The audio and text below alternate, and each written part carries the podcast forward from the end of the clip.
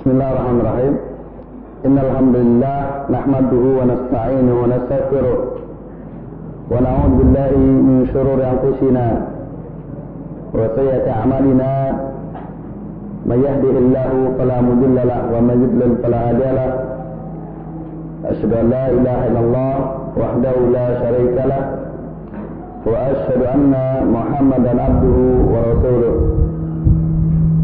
أعوذ بالله من الشيطان الرجيم يا أيها الذين آمنوا اتقوا الله حق تقاته ولا تموتن إلا وأنتم مسلمون وبعد Allah wa iyyakum kita lanjutkan kajian kita kita al-wajibat dan insyaallah kita upayakan selesai pada sore hari ini masih dua pembahasan yaitu tentang al-kufru wa nifaq. Ada masalah tauhid sudah sekalian kita jadikan satu tatkala kita bahas tauhid dalam al-usul salasa. Beliau sampaikan al-kufru kufran kekafiran itu ada dua. Al-kufur kalau secara bahasa itu di mana dia wasatr itu tutup. Ada secara syar'i yaitu ada iman billah wa rusulihi sawan kana mau takdibun aw yakun ma'hu takdib ketiadaan iman kepada Allah dan Rasulnya baik disertai takdir ataupun tidak disertai takdir baik disertai pendustaan maupun tidak disertai dengan pendustaan jadi intinya kekafiran salah satu adalah hilangnya iman seseorang kepada Allah dan Rasulnya. Terkadang al-kufru wa syirk itu untuk istilah yang sama itu muradif bersinonim. Syirik adalah kufur kufur adalah syirik maka bisa kita katakan bahwa al-kufur wa syirik itu idza sama istaraqa idza istaraqa istama nah terkadang al-kufur itu a'aminas syirik jadi syirik kekafiran yang disebabkan oleh peribadatan kepada berhala, penyembahan kepada Allah atau kufur karena urusan uluhiyah. Adapun kufur itu lebih umum, yaitu baik karena peribadatan kepada Allah maupun karena yang lainnya. Beliau sampaikan bahwa al-kufru kufran kekafiran ada dua, al-awalu kufrun yukhriju minal millah yang pertama yaitu kufur yang mengeluarkan dari millah, dari din, dari agama, mengeluarkan dari Islam. Dan tatkala dia dihukumi keluar dari Islam, maka kalau dia mati di atas kekafiran tersebut dia kekal di neraka. Dan dosa kekafirannya tidak akan diampuni untuk selama-lamanya. Karena dia dianggap keluar dari Islam, maka halal darah dan hartanya. Ini persis hukum bagi orang yang melakukan kufur jenis pertama ini sebagaimana orang yang melakukan syirik jenis syirik akbar.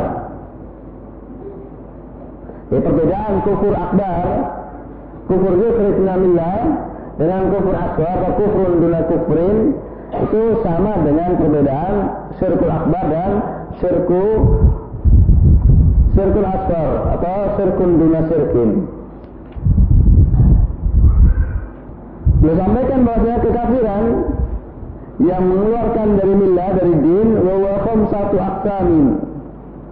Ada lima kelompok. Ini diambil dari istiqra wa tatabbu. Dari meneliti dan memperhatikan ayat-ayat Allah Subhanahu wa taala dan hadis-hadis Nabi sallallahu alaihi wasallam maka disimpulkan bahwasanya kekafiran itu dikelompokkan menjadi lima macam. Lima kelompok. Wa huwa khamsat anwa, ada lima macam. An-naul awal kufru takdzib. والدليل قوله تعالى ومن أظلم ممن افترى على الله كذبا أو كذب بالحق لما جاء عليك في جهنم مثوى للكافرين apa itu kufur takdir?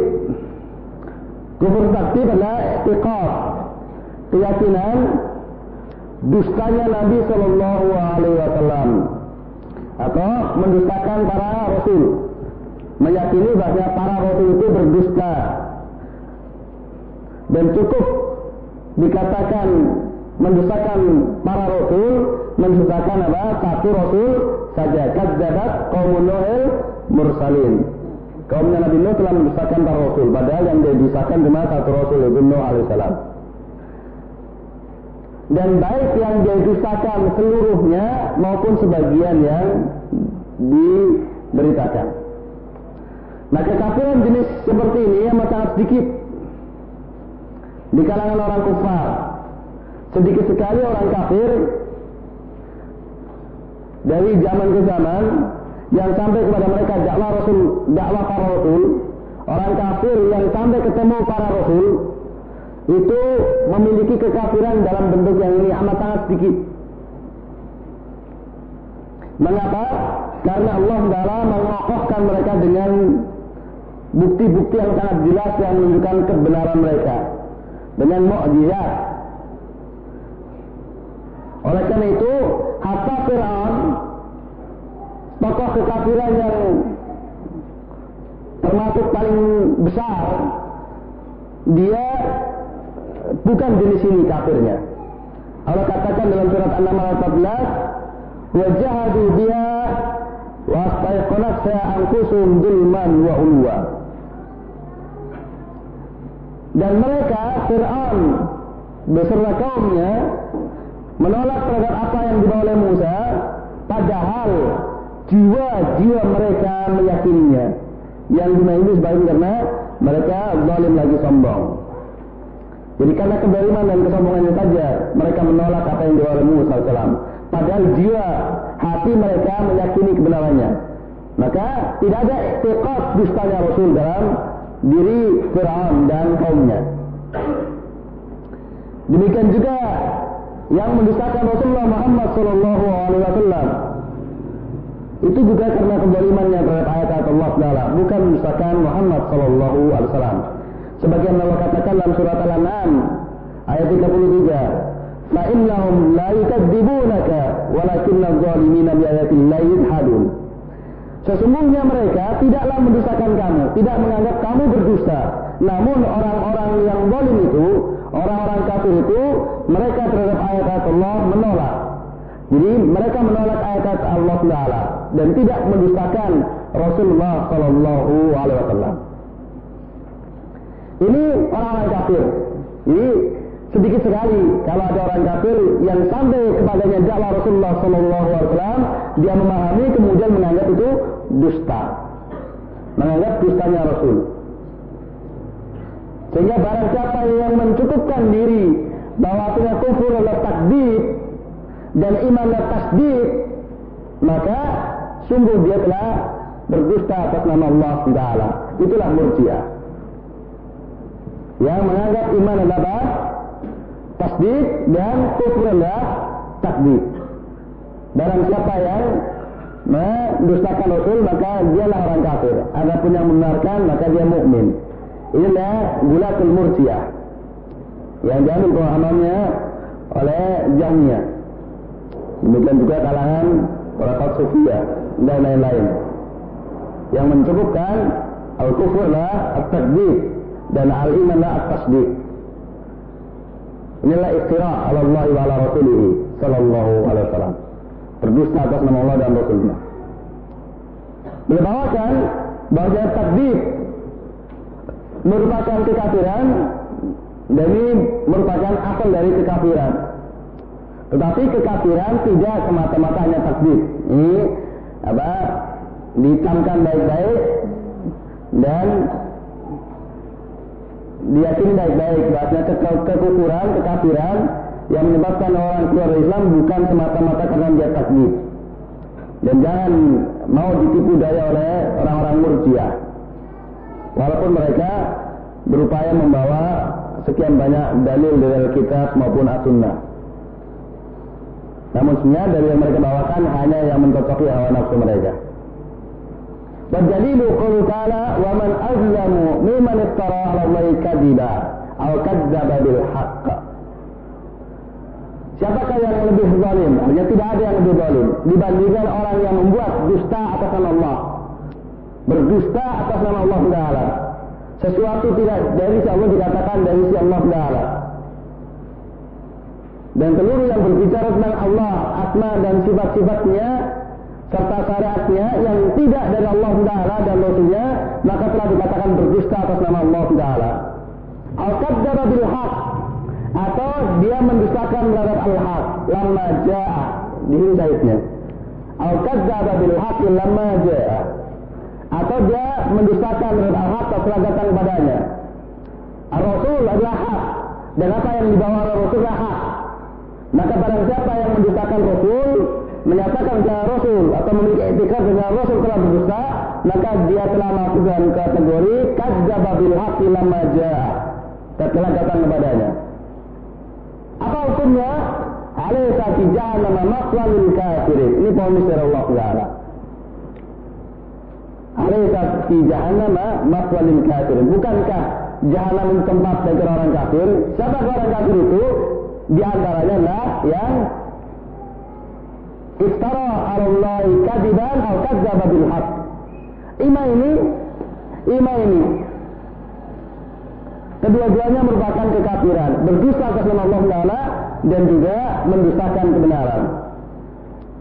Dan jahanam tidak lain kecuali tempat bagi orang-orang kafir, baik kafirnya karena berdusta atas nama Allah atau kafirnya karena mendustakan kebenaran atau kafirnya karena yang lainnya. Tempat kembalinya adalah jahanam.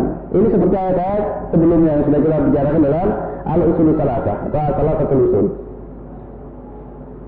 Banyak kita dapatkan faedah fonis tentang orang yang melakukan demikian dan kita dapatkan faedah bahwa orang kafir itu tempatnya di neraka apa pun sebab kekafirannya baik karena takdir karena istirah Allah maupun karena yang lainnya dan istirah Allah kadiban itu termasuk al Allah dari ilmin yang termasuk dosa besar yang paling besar. Bahkan lebih besar dari syirik dalam artian syirik eh, uluhiyah.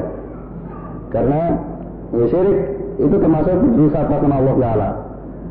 Dan berdosa atau berbicara atas nama Allah Taala ilmu itu luas termasuk dalamnya syirik. Jadi bisa diambil dari alaiha jahannam masalul kafirin bisa diambil dari waman adlamu tidak ada yang lebih dolim dibandingkan. Sebagaimana tatkala kita bicarakan tentang nawakidul Islam. Eh. kita mengambil waman adlamu mimman? Dikira ayatu ومن أظلم من ذكر بآية ربه ثم أعرض عنها إنا من المجرمين منتقمون tidak ada yang lebih zalim Ima zalim secara mutlak artinya termasuk kedoliman yang paling zalim anda berdosa atas nama Allah atau mendustakan kebenaran atau dalam masalah perbuatan mendustakan maka mendustakan yang paling zalim adalah mendustakan apa? mendustakan kebenaran maka berdusta atau mendustakan yang sampai pada hukumnya kafir yaitu apa? Berdusta atas nama Allah atau mendustakan Rasul. Ada di sana berdusta dan mendustakan. Yang sifatnya berdosa dan tidak sampai kafir. Tapi berdusta atas nama Allah atau mendustakan kebenaran ini termasuk jenis dari kekafiran. Itu kalau kedoliman dipilih dari sisi ya, relatif yaitu kedoliman dalam bidang mendustakan atau bidang berdusta. Kalau dimutlakan maka tidak ada yang lebih dolim daripada ini. Hanya adapun yang lainnya tidak ada yang lebih dolim itu karena bahasa sederajat, setara. Seperti zaman adlamu mimman dzukira bi ayati rabbih thumma a'rada anha Memang tidak ada yang lebih zalim dari itu, karena yang lainnya, kalaupun paling zalim, apa sejajar kezalimannya dengan sama-sama merupakan kekafiran. Tidak ada yang lebih zalim. Tidak ada yang lebih zalim dari syirik. Karena apa? Ini sejajar dengan syirik sama-sama apa? Sama-sama merupakan kekafiran. Jelas ini dalil yang dalalahnya yang membuktikan bahwa takdir merupakan apa bentuk kekafiran. Dan ada murjia yang lebih bulat lagi yang mencukupkan iman itu dengan ma'rifah. Pokoknya kalau sudah tahu sudah dia mukmin. Dan lebih bulat lagi. Maaf, entah membenarkan tak mendustakan yang penting dia sudah tahu sudah maka dia mukmin. Ini bulat murjia, bulat bulatnya murjia. Anau sani kurul iba wal istikbar ma'at tasdik. Macam yang kedua yaitu kufur, iba, wal istikbar, enggan dan sombong. Atau juhud, menolak. Ma'at tasdik. Walaupun disertai tasdik, pembenaran. Ini lebih ringan daripada apa? Daripada tasdik. Namun sama hukumnya itu menolak dia enggan sombong istighfar apa batrul hak menolak kebenaran Walaupun tunas mendakan manusia itu juga bentuk dari kesombongan. Tapi yang merupakan kafir adalah batrul hak menolak kebenaran. Walaupun dia membenarkannya, tapi dia tolak. Itu benar tapi saya nggak mau. Ma tasdik ya, disertai dengan tasdik. Dan ini yang seperti ini banyak orang-orang kafir. Jadi kafirnya Fir'aun dan kaumnya, demikian juga kafirnya Abu Talib, kafirnya Iblis. Itulah al-iba wa istikbar ma, tasdik.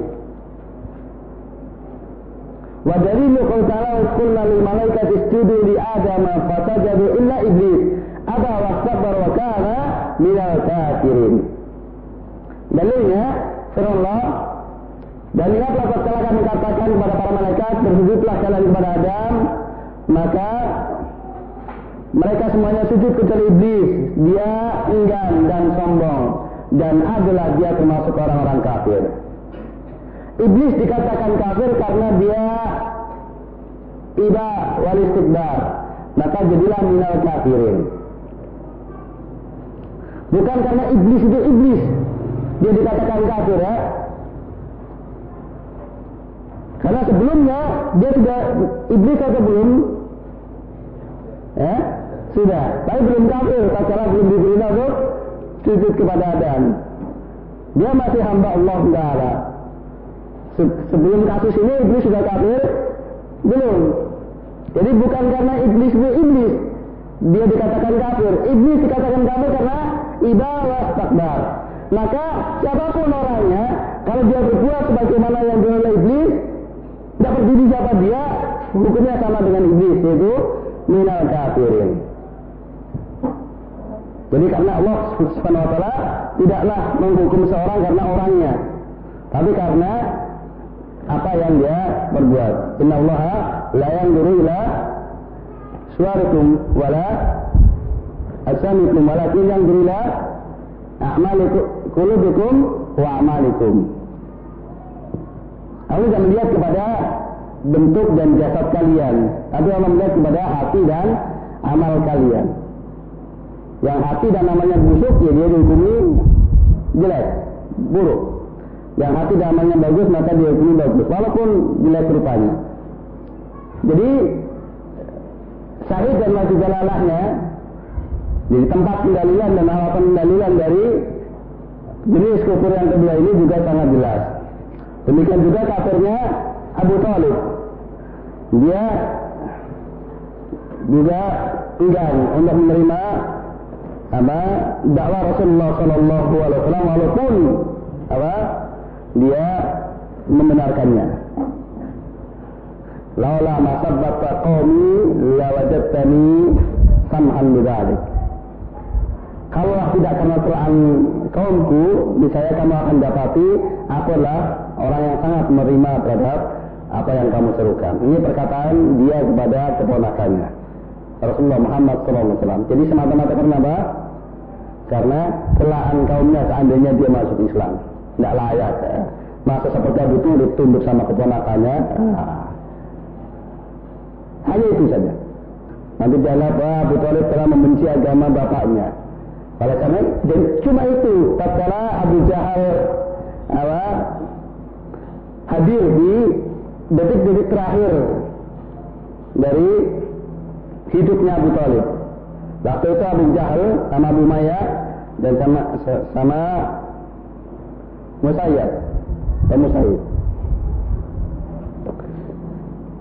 Tatkala Rasulullah SAW datang menghadirinya, tatkala sudah detik-detik apa berakhirnya masa kehidupan Abu Talib. Yami kul la ilallah kalimatan wahajja biha Allah. Wahai pamanku katakan la ilallah sebuah kalimat yang aku akan berhujah di Allah Taala untukmu. Maka apa kata Abu Jahal dan Abu Maya? Kala Ya Abu Talib, atar gabu, amilah satu Talib. Hmm. Abu kamu benci sama agama bapakmu, Abdul Muttalib. Maka dia bersuara, Ya Ami, kul la ilallah, kalimatan uhajja biha Allah. Kembali Abu Jahal dan Abu Maya, apa? Menyampaikan lagi. Atar gabu, amilah bin Talib. Maka fa'ada ayatulaha illa wa wala wa qal wa ala milati Abdul Muttalib. Dia enggan untuk mengucapkannya dan dia tetap mengatakan dia berada di atas agama Abdul Muttalib. Inilah apa? Jeleknya julasa usu. Dampak dari teman-teman yang jelek. Sampai eh, mewasiatkan menjelang kematiannya pun ya, berpengaruh. Maka jangan bergaul sama teman-teman yang jelek. Maka promosi dari dari ala roh ini patut disambut ya. Carilah ya, julasa usolihin. Jangan bergabung ya, satu kos-kosan sama ahli maasi. Al kufur, al syirik. Eh, musibah. Dan seperti ini biasa, artinya berkumpul jadi satu satu kososan itu itu termasuk sunnah pendahulu kalian ya. Dari dulu masalah itu kalau sudah ngaji kemudian kita cari kososan bareng. Sampai pernah karena akhlak cari kososan ritmus kita masuknya kosan belum habis mereka bingung lalu kita terusir untuk gantian eh, akhlak karena lebih mudah mencari kososan. Dan saya pernah mengalami terusir dari kos-kosan di waktunya. Kira-kira seperti itu ya. Dan untuk diketahui, Sekjen PKB siapa? Muhammad Iskandar. Ya. Itu satu kos-kosan dengan saya dulu. Teman tidur. Di Samirono. Sebelum kemudian bergabung sama teman-teman dari jadi satu kos-kosan. Jadi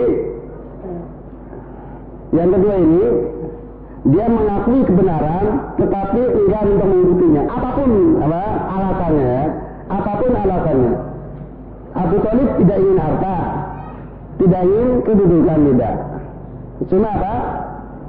Enggan untuk apa? Ini nggak suka kalau kemudian dicela. Gak enak kan? Jadi hidup kemudian tercela kan? Sama orang-orang yang selama ini jadi temannya jadi saudaranya kemudian wah.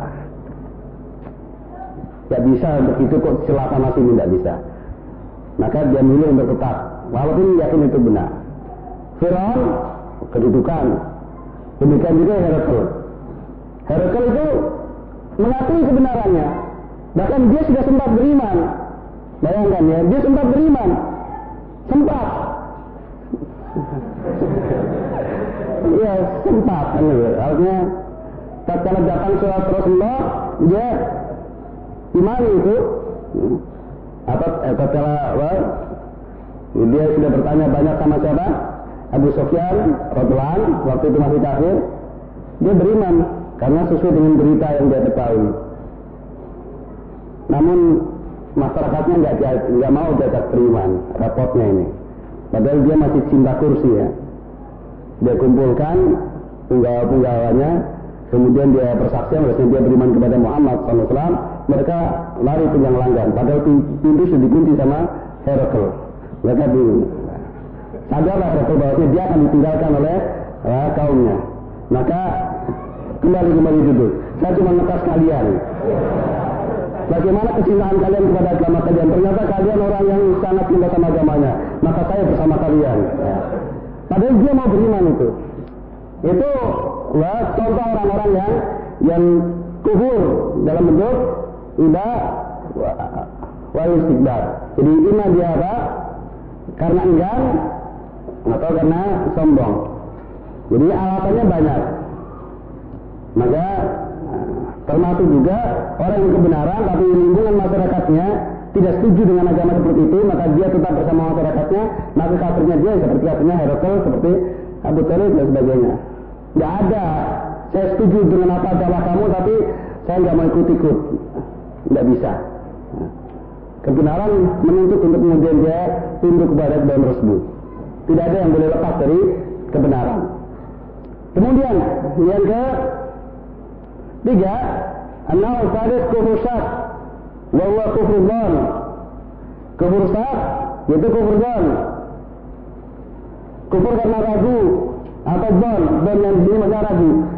Sudah saya sampaikan bahwa masalah al-iman itu tidak boleh di dalamnya ada apa? Ada unsur keraguan walau 0,001 persen. Hmm. Berarti seperberapa itu? Tidak boleh ada, harus yakin. Makanya kemarin kan syarat apa? La ilallah apa? Yakin. Kamalul ilmi. Tidak boleh. Walaupun sedikit sekali ada keraguan. Maka ya syak dan itu ada unsur keraguan di dalamnya terhadap al-haq terhadap berita yang dibawa oleh Rasulullah SAW baik yang dalam Al-Quran maupun dalam hadis sahih maka dia termasuk apa kafir. Dalilnya wa dalilu qul ta'ala ودخل جنته وهو ظالم لنفسه. قال ما أظن أن تبيد هذه أبدا. وما أظن وما أظن الساعة قائمة ولئن رددت إلى ربي لأجدن خيرا منها منقلبا. قال له صاحبه وهو يحاوره أكفرت بالذي خلقك من تراب ثم من نطفة ثم سواك رجلا لكنه الله ربي ولا أشرك بربي أحدا. Dalilnya terdapat dalam Quran Kahfi dan dia masuk ke dalam kebunnya sementara dia mendolimi dirinya sendiri. Kedoliman sampai taraf kekafiran. Dia berkata, aku tidak menyangka bahwasanya kebun ini akan binasa untuk selamanya. Kebunku akan kekal untuk selamanya. Dan aku tidak menduga bahwa hari kiamat akan terjadi. Dan seandainya hari kiamat terjadi, kemudian aku dikembalikan kepada Tuhanku, niscaya aku akan dapat yang lebih baik dari apa yang dari kebun tersebut sebagai gantinya.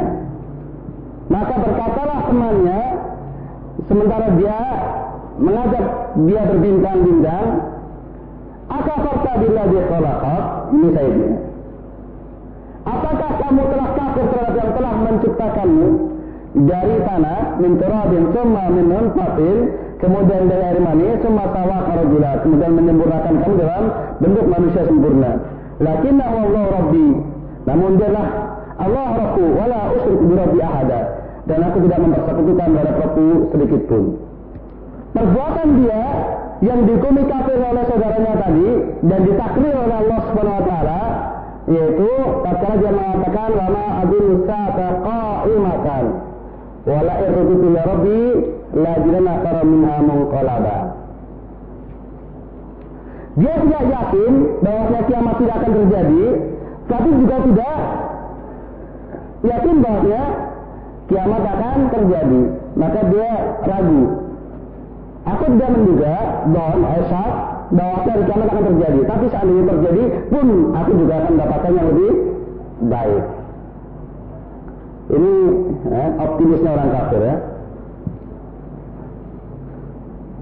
Dan banyak orang-orang kafir yang merasa optimis di hari akhirat. Memang justru orang mukmin yang merasa, orang yang benar imannya aja yang masih khawatir. Saya itu sukses dia di akhirat. Kalau orang kafir malah optimis. Coba bayangkan. Dia kafir, Pak.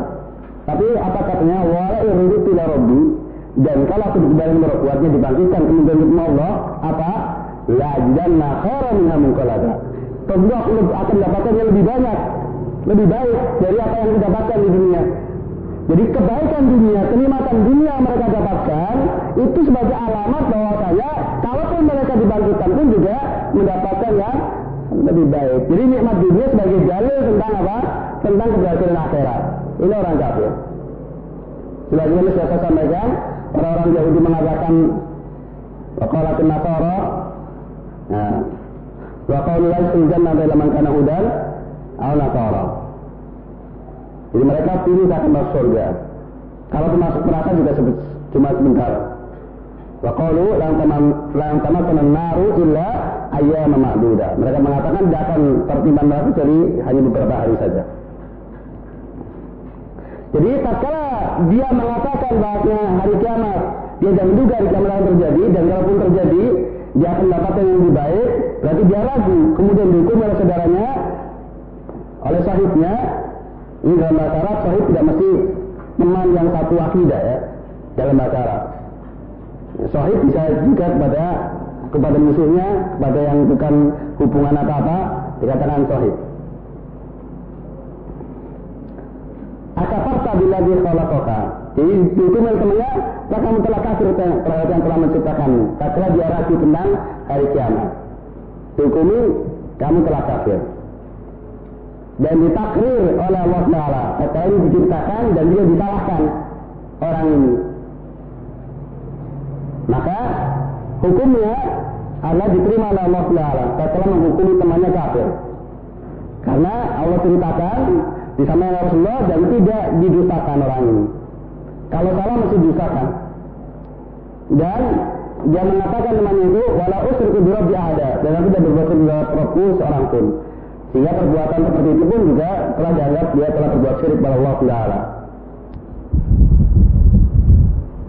Jadi saya ingatkan, bukanlah orang kafir itu orang yang tidak punya harapan tentang hari akhirat ya. Justru orang kafir mereka juga punya harapan terhadap hari akhirat. Jadi salah kalau orang kafir itu orang yang tidak beriman kepada hari akhirat secara mutlak. Termasuk di dalamnya yang ragu. Bahkan yang optimis, tapi di atas jalan yang salah. Seperti orang-orang Yahudi dan orang-orang Nasara. النوع الرابع كل الإعراب والدليل قوله تعالى والذين كفروا عما أنذروا معرضون yang Keempat, kufur i'rab. Kufur karena berpaling. Ini sudah kita bahas dalam Nawakidul Islam yang ke-10.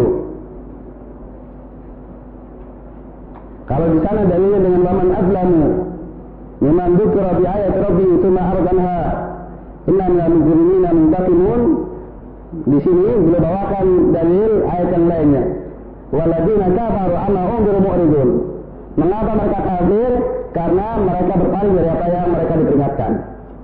Waladina kafaru dibawakan dengan satu sifat dari kekafirannya. Itu annahum juru mu'ridun. Mereka berpaling dari apa yang mereka diperingatkan. Kapan i'rad dari din itu apa? Kufur. Itu apabila i'rad bil secara total, secara global. Itu secara keseluruhan. Jadi berpaling tidak mau mempelajari din, tidak mau tahu tentang din sama sekali. Atau secara parsial bagian tapi dalam perkara yang apabila dia berpaling darinya yang secara parsial namun dalam perkara yang menjadi syarat sahnya keimanan.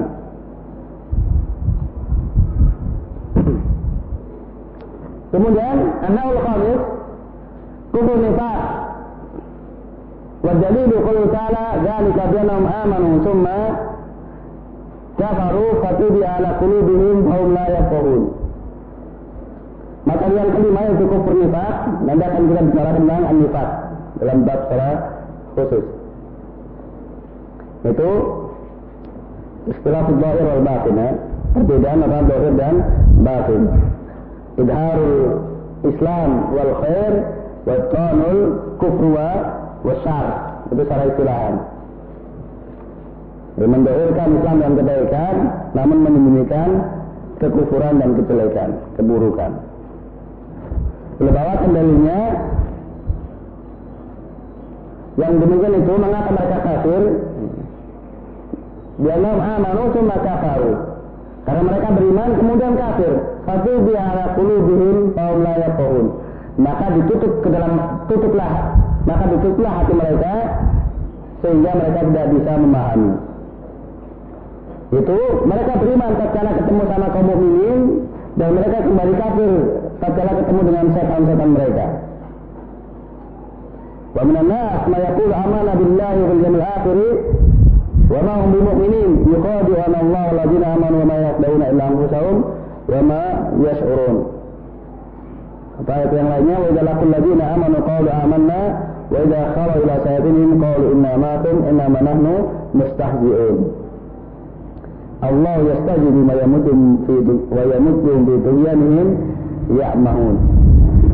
Maka karena ada kenikmatan di dalam hatinya, maka walaupun mereka mendengar ayat-ayat Allah Taala, kan mereka bergumul dengan, dengan kaum muslimin loh, para munafik, tapi karena ada nifak dalam hatinya, maka ayat-ayat Allah tidak bisa mereka pahami. Disebabkan apa? Faktu dia ala kulubihim. Karena Allah menaruh tutup dalam hati mereka, paham layak pohon, maka mereka tidak bisa paham. Itu kufur akbar. Ada lima macam. Dan seluruh pemiliknya mukhalatun benar dia kekal dalam api neraka kemudian yang kedua nautani min nawil kufri wa huwa kufrun asghar la yukhriju minal millah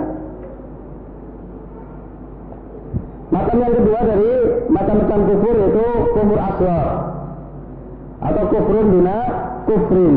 Hukumnya la yukhriju minal millah, tidak mengeluarkan dari millah. Apa itu kufur yaitu sebuah dosa yang dikatakan kufur syariat tetapi tidak mencapai derajat kufur akbar. Hukumnya seperti hukum syirik asghar. Dan perbuatan tersebut dosanya besarnya lebih besar dibandingkan dosa-dosa yang tidak dinamakan dosa kekafiran. Maka kalau dosa disebutkan sebagai kekufuran, maka itu termasuk dosa besar. Beliau sampaikan bahwa kufur nikmat dan itu kufur nikmat ini adalah contohnya, bukan definisi dari kufur apa asal kufur nikmat. Salah satunya adalah kufur nikmat. Dalil tentang kufur nikmat dan dari qaul ta'ala wa Allah masalan qaryatan qaryatan kanat aminatan mutmainatan ya'tiha rizquha ragadan min kulli maka min kulli makanin bi an'illah fadaqaha Allah libasal ju'i wal khawfi bima kanu yasnaun Allah membuat pernikahan sebuah negeri yang dulunya dia aman dan tentram. Rizkinya datang secara melimpah dari segenap tempat. Maka kemudian negeri tersebut kafir kepada nikmat Allah Taala. Maka Allah Taala melimpahkan kepadanya kelaparan dan ketakutan disebabkan apa yang mereka perbuat. Sesungguhnya ayat ini tidak secara zahir menunjukkan hukum kufur yang dimaksud ayat adalah kufur aswar. Jadi karena sebagian ahli tafsir menganggap bahwa negeri tersebutlah ahli Mekah. Maka kalau yang dimaksudkan ahli Mekah, maka mereka adalah kafir kufur akbar. Tapi kalau negeri yang tanda tertentu, maka bisa termasuk adalah kufur asghar. Yang termasuk kufur nikmat, misalnya dalam sabda Nabi Wasallam, asbah ibadi mu'minun bil kawakib wa kufrun bi adalah sebagian hambaku telah menjadi beriman kepada bintang-bintang dan kufur kepadaku. Wa qala mutirna bin naui kada fahuwa mu'minun bil kawakib wa kufrun bi. Dalam hadis kudsi ya Rasulullah bersabda Allah berfirman dan adapun orang yang mengatakan telah turun hujan dengan sebab bintang-bintang itu maka mereka telah beriman kepada bintang-bintang dan telah kafir kepadaku. Maka kufur di sinilah kufrun duna kufrun kufur aswar ya itu menisbahkan nikmat kepada selain Allah kepada asbab yang tidak terbukti secara apa? Syar'i maupun qadari. Ini termasuk kufur nikmat. Mungkin itu lebih ya, lebih dohir menunjukkan kufur ya, nikmat.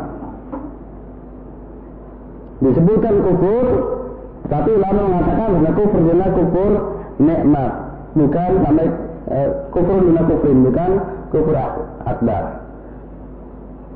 Jadi salah satu contohnya kufur nikmat. Contoh yang kedua adalah membunuh seorang mukmin.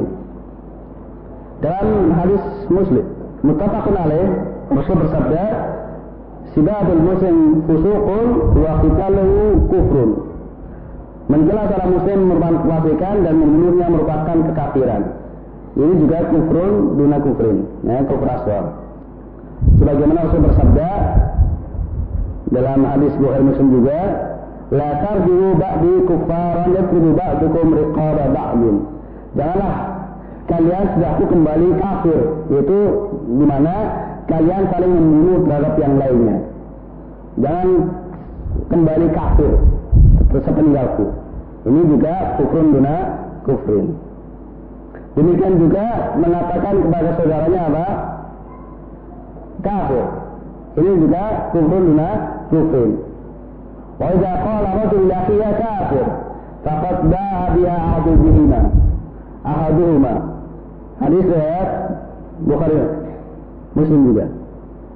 Apabila seorang mengatakan bahwa saudaranya ya sama muslim ya kafir, maka sungguh kekafiran itu kembali kepada salah satu dari keduanya. Demikian juga bersumpah dengan nama Allah Taala. Man halafa bi ghairillah faqad kafar al asraf. Dalam hadis riwayat Tirmizi dan beliau menhasankan hadis tersebut. Untuk kufur nikmat dari yang lebih dohir lagi yaitu surat An-Nahl ayat 83 ya'rifuna nikmat Allah tsumma yunkirunaha wa aktsaruhumul kafirun. Mereka mengaku kenikmatan Allah kemudian mengingkarinya, yaitu dengan menisbahkan kepada selain Allah pada asbab. Yang tidak terbukti secara syariah atau kodari. Wa aktsaruhumul kafirun dan kebanyakan mereka itu kafir. Ini kufur dan kufur. Demikian juga al-hukmu bi ghairi Allah. Al-hukmu bi ghairi Allah selama etikotnya apa? Masih benar. Bagaimana Ibn Abbas radhiyallahu mengatakan tentang ayat kama lam yahkum bima Allah faulai kaum kafirun ay eh, kufrun duna kufrin. Maka al-hukmu bi ghairi Allah ada yang tarafnya kufur akbar dan ada yang tarafnya kufrun duna kufrin.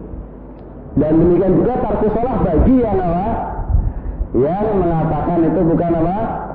Bukan merupakan kufur akbar.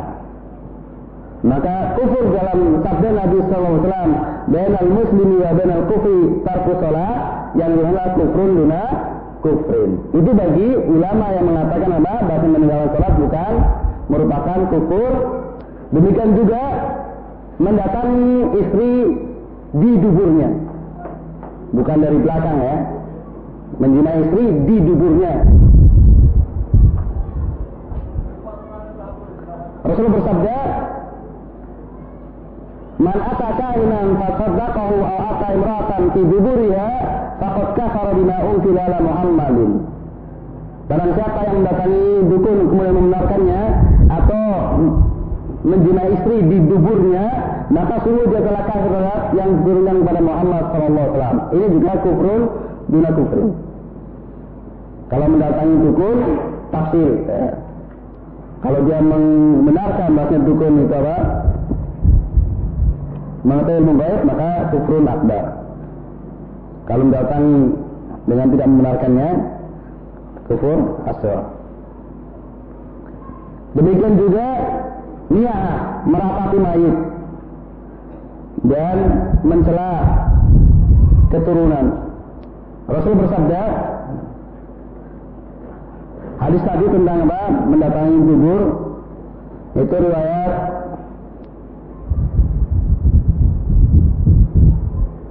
yang jelas disahkan oleh Nasir ya. Rasul bersabda, "Sintani fi ummati bihim kufrun atau nufil ansar dan halal mayyit." Dua kelompok pada umat ini merupakan yang dengan itu mereka merupakan kekafiran, yaitu mencela keturunan dan meratapi mayit. Riwayat Muslim ya, sahih hadisnya. Riwayat Muslim. dan lain sebagainya. Ya, dari contoh-contoh yang dikatakan kufur oleh Allah dan Rasulnya, tetapi tidak sampai mencapai derajat kufur akbar. Maka dari mana kita tahunya? Diketahui dari nusus yang yang lainnya. Bagaimana muamalah Rasulullah SAW atau sabda Rasulullah yang lainnya terhadap perbuatan-perbuatan tersebut. Oleh karena itu memang sesuatu yang sekarang harus kita kembalikan kepada ahlinya. Fasalu ahla dzikri in la ta'lamun. Jelas ini? Selesai tentang pembahasan al-kufru kufran. Dan mengenai kufur karena ragu itu bagaimana dengan dari Rasulullah bahwasanya ada seseorang yang meninggal mewajibkan agar dirinya dibakar dan mayat juga ke sungai karena dia takut kepada Allah dan meragukan bahwasanya dia akan dibangkitkan. Itu kekafiran. Bila syak, bahasa itu merupakan kekafiran. Hanya karena udur bil jahil. Kalau perbuatannya itu perbuatan kekafiran. Sehingga kalau kemudian kalian ragu, kalian ragu sebagaimana orang itu ragu, maka kalian telah kafir. Orang tersebut jahil tentang tafasil tentang kemahakuatan Allah Taala. Dan itulah dalil yang paling kuat bagi mereka yang berdaya adanya al-udur bil jahl fi yaumil qiyamah. Jadi ulama tetap itu merupakan kekafiran. Apa yang dia katakan, apa yang dia perbuat karena dia meragukan tentang kemampuan Allah Taala. Kita lanjutkan. Anifat nahan i'tiqadiyun wa amaliyun. Nifak i'tiqadi dan nifak amali. An-nifaqul i'tiqadi sitatan lain sahibuha min ahli jarti aswali minan nar. Nifak i'tiqadi itu ada enam macam dan pemiliknya termasuk penghuni dasar neraka. Di dalam bahasa Arab kalau ke atas sudah rojat, kalau ke bawah itu darokat.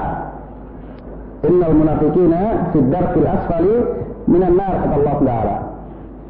Ada perkataan Imam Muqayyim rahimahullah yang menjadi bahan perhatian bagi kita ya. Ini kalau syarih sini أقوام النفاق صداه الغبار الباطن الذي يكون الرجل ممتلئا منه وهو لا يشعر فإن أمر خفي على الناس وكثيرا ما يخفى على من تلبس به وسيرى أنه مسلم وهو مفسد Adapun kemunafikan adalah penyakit yang sangat mematikan yang berada dalam batin. Yang ada kalanya seseorang hatinya penuh dengan kemunafikan namun dia tidak merasa. Maka sebenarnya kemunafikan adalah perkara yang sangat samar bagi manusia dan banyak orang yang tersamar darinya atas orang yang dia apa berpakaian dengan pakaian nifak tersebut. Artinya dia tercampur dengan nifak, namun dia tetap samar. Maka dia melihat dirinya seorang yang berbuat baik, padahal dia adalah mufsid. Itu sebagian dari kalam Imam Qayyim rahimahullah.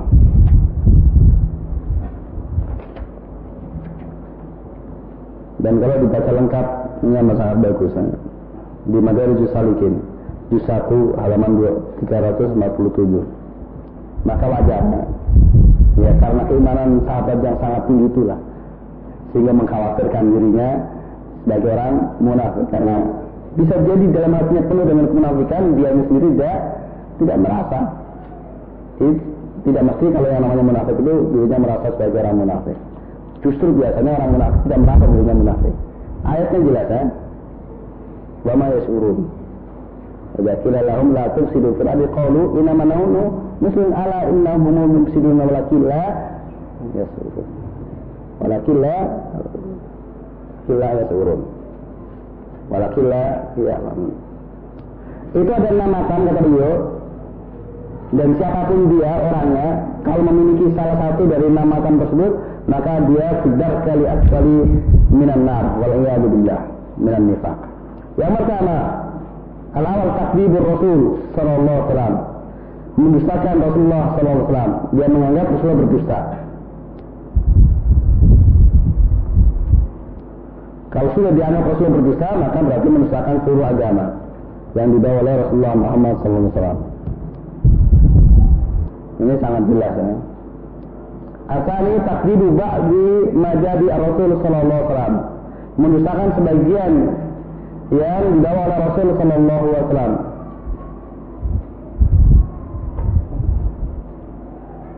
Mungkin Rasulnya tidak tidak berdusta, tapi salah jangan-jangan lupa atau gimana. Jadi ini ini betul kata Rasul, tapi ini keliru ya. Jadi kalau tadi dia mendustakan datnya, Rasulullah berdusta, kali ini mendustakan apa yang dibawa. Tidak benar, mengatakan ini tidak benar. Nah Rasul bagaimana? Oh Rasul jujur, tapi ini tidak benar. Ini termasuk ya. Apabila dia tahu itu datang dari Rasulullah Shallallahu Alaihi Wasallam. Kalau menganggap bagian dari ajaran Allah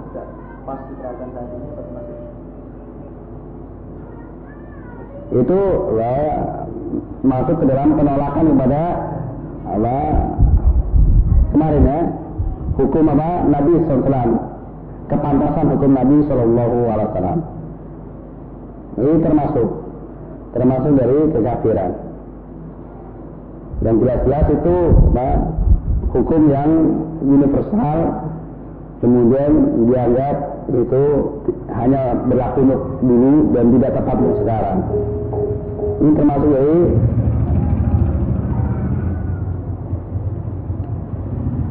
kekafiran karena menolak beberapa yang datang dengan Nabi Shallallahu Alaihi Wasallam. Yang ketiga, anak utalis bukti Rasul Sallallahu Alaihi Wasallam, membenci Rasul Sallallahu Alaihi Wasallam.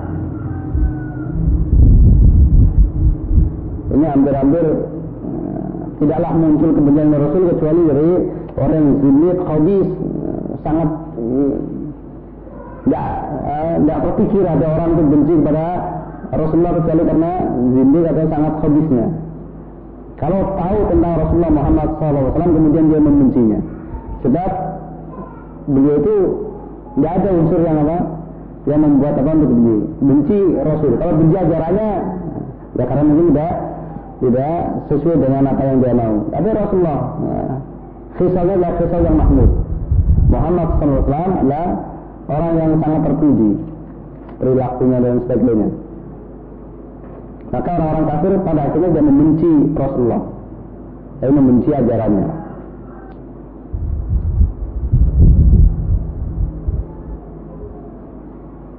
Arabi bu bughdu ba'di ma jadi Rasul sallallahu alaihi wasallam. Membenci sebagian yang dibawa oleh Rasul sallallahu alaihi wasallam. Walaupun dia mengamalkannya ya. Misalnya ada orang muslim nabung dapat undian umrah. Berangkat umrah.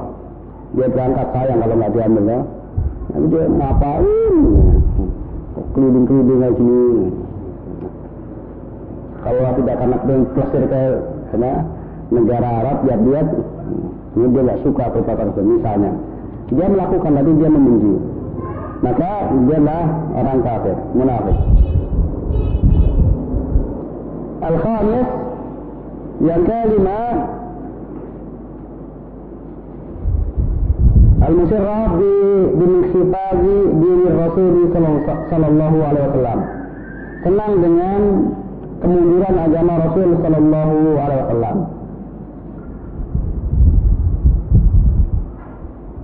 Jadi kalau senang kaum Islam mundur atau kaum muslimin mundur terbelakang, ini termasuk benar munafikin.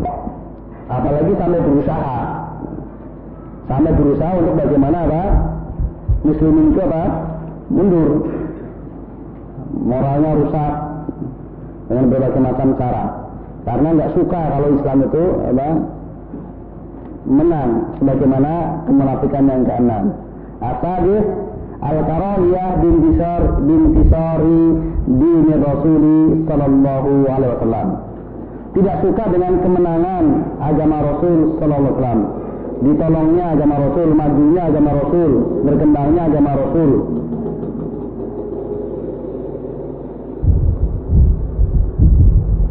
Nah itu semuanya namakan nifaq i'tiqadi. Dan barang siapa yang memilikinya, maka dia betul-betul munafik. Tulen. Ya. Walau hanya salah satu dari keenam tersebut. Wal'iyadillah. Kemudian an-nifaq al-amali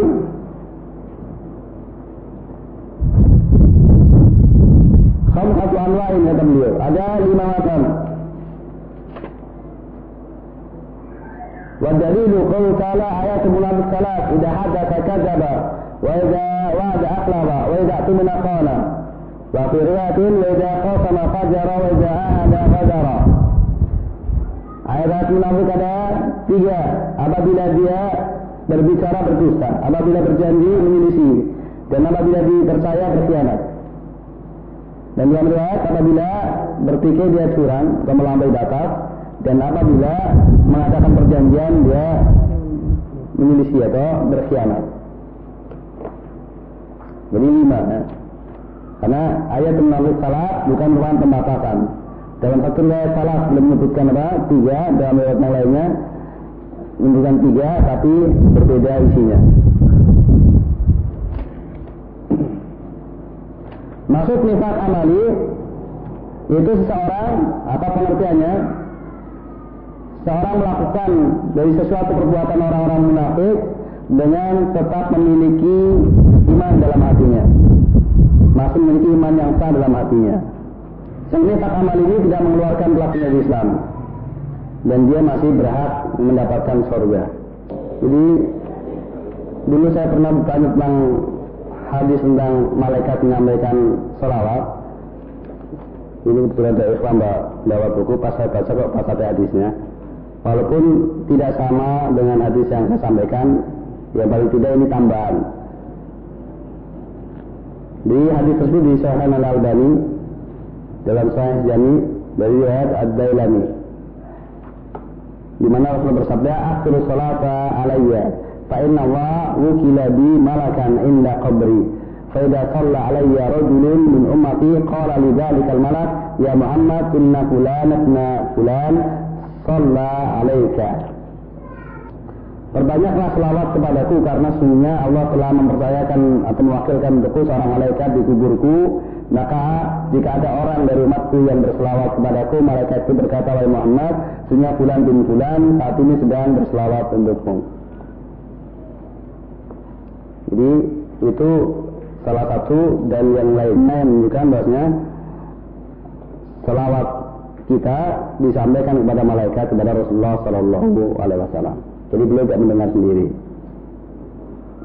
Karena sudah saya sampaikan bahwasanya orang mati itu hidup di kuburnya kehidupan barzakhiyah. Ada pertanyaan sujud pada Adam ini termasuk ibadah atau tidak? Karena ada yang mengatakan bahwa iblis itu paling bagus tauhidnya karena menolak sujud pada Adam. Yang paling bagus tauhidnya adalah yang paling taat kepada Allah.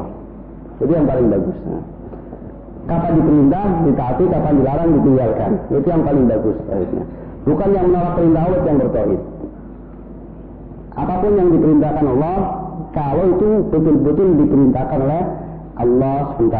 Dia pahami atau tidak dia pahami hikmahnya.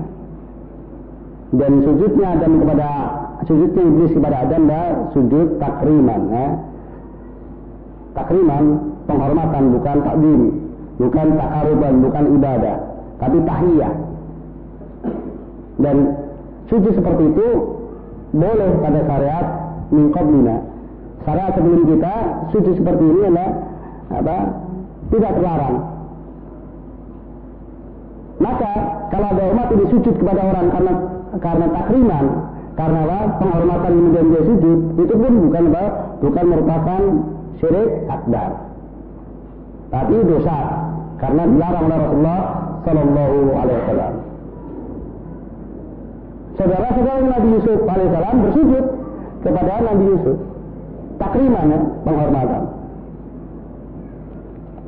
itu ini bukan sujud ibadah Adapun yang syirik akbar adalah sujud ibadah. Maka sujud kepada orang lain, maka sujud kepada orang lain jelas sujud ibadah. Tapi sujud kepada apa pembesar, sebagaimana pernah salah seorang sahabat sujud kepada Nabi Alaihi kemudian dilarang. Wa amartu imra'an ayat dia diajin amartu al imrata yasjudu li zawjiha li adamnya alaiha li admi haqqiha haqqihi alaiha atau kama qala Rasulullah sallallahu alaihi wasallam jadi kalau aku diizinkan memerintahkan seorang sujud kepada orang lain, saya akan merintahkan seorang istri sujud kepada suaminya karena besarnya hak suami kepadanya. Jadi sujud takriman itu bukan syirik akbar. Yang syirik akbar sujud apa? Takaruban, sujud ibadah. Demikian Ikhafidin Allah wa iyakum Sebagaimana saya sampaikan Masih tersisa apa? Pembahasan masalah Tauhid Namun karena sudah kita bicarakan Ya taksiran lewat Untuk meringkas waktu. Dan sesungguhnya pun ini waktunya sudah habis Ini Menyita waktu kalian.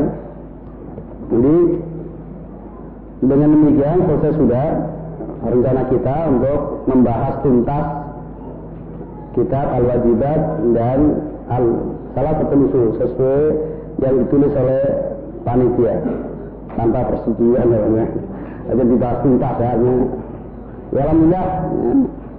insya Allah dibahas tuntas dan alhamdulillah kita selesaikan saat tuntas-tuntasnya. Yang jelas itu masih sangat ringkas ya, dan masih sangat lebar sekali. Artinya kita butuh tafsirnya, kita masih butuh membaca banyak dalilnya, banyak eh, sawahidnya, kawak, akwal dari para ulama untuk lebih apa? Lebih membuat mantap dan membuat tenang hati ini. Sebab eh, kan masih banyak ayat-ayat dan hadis-hadis dan juga perinciannya yang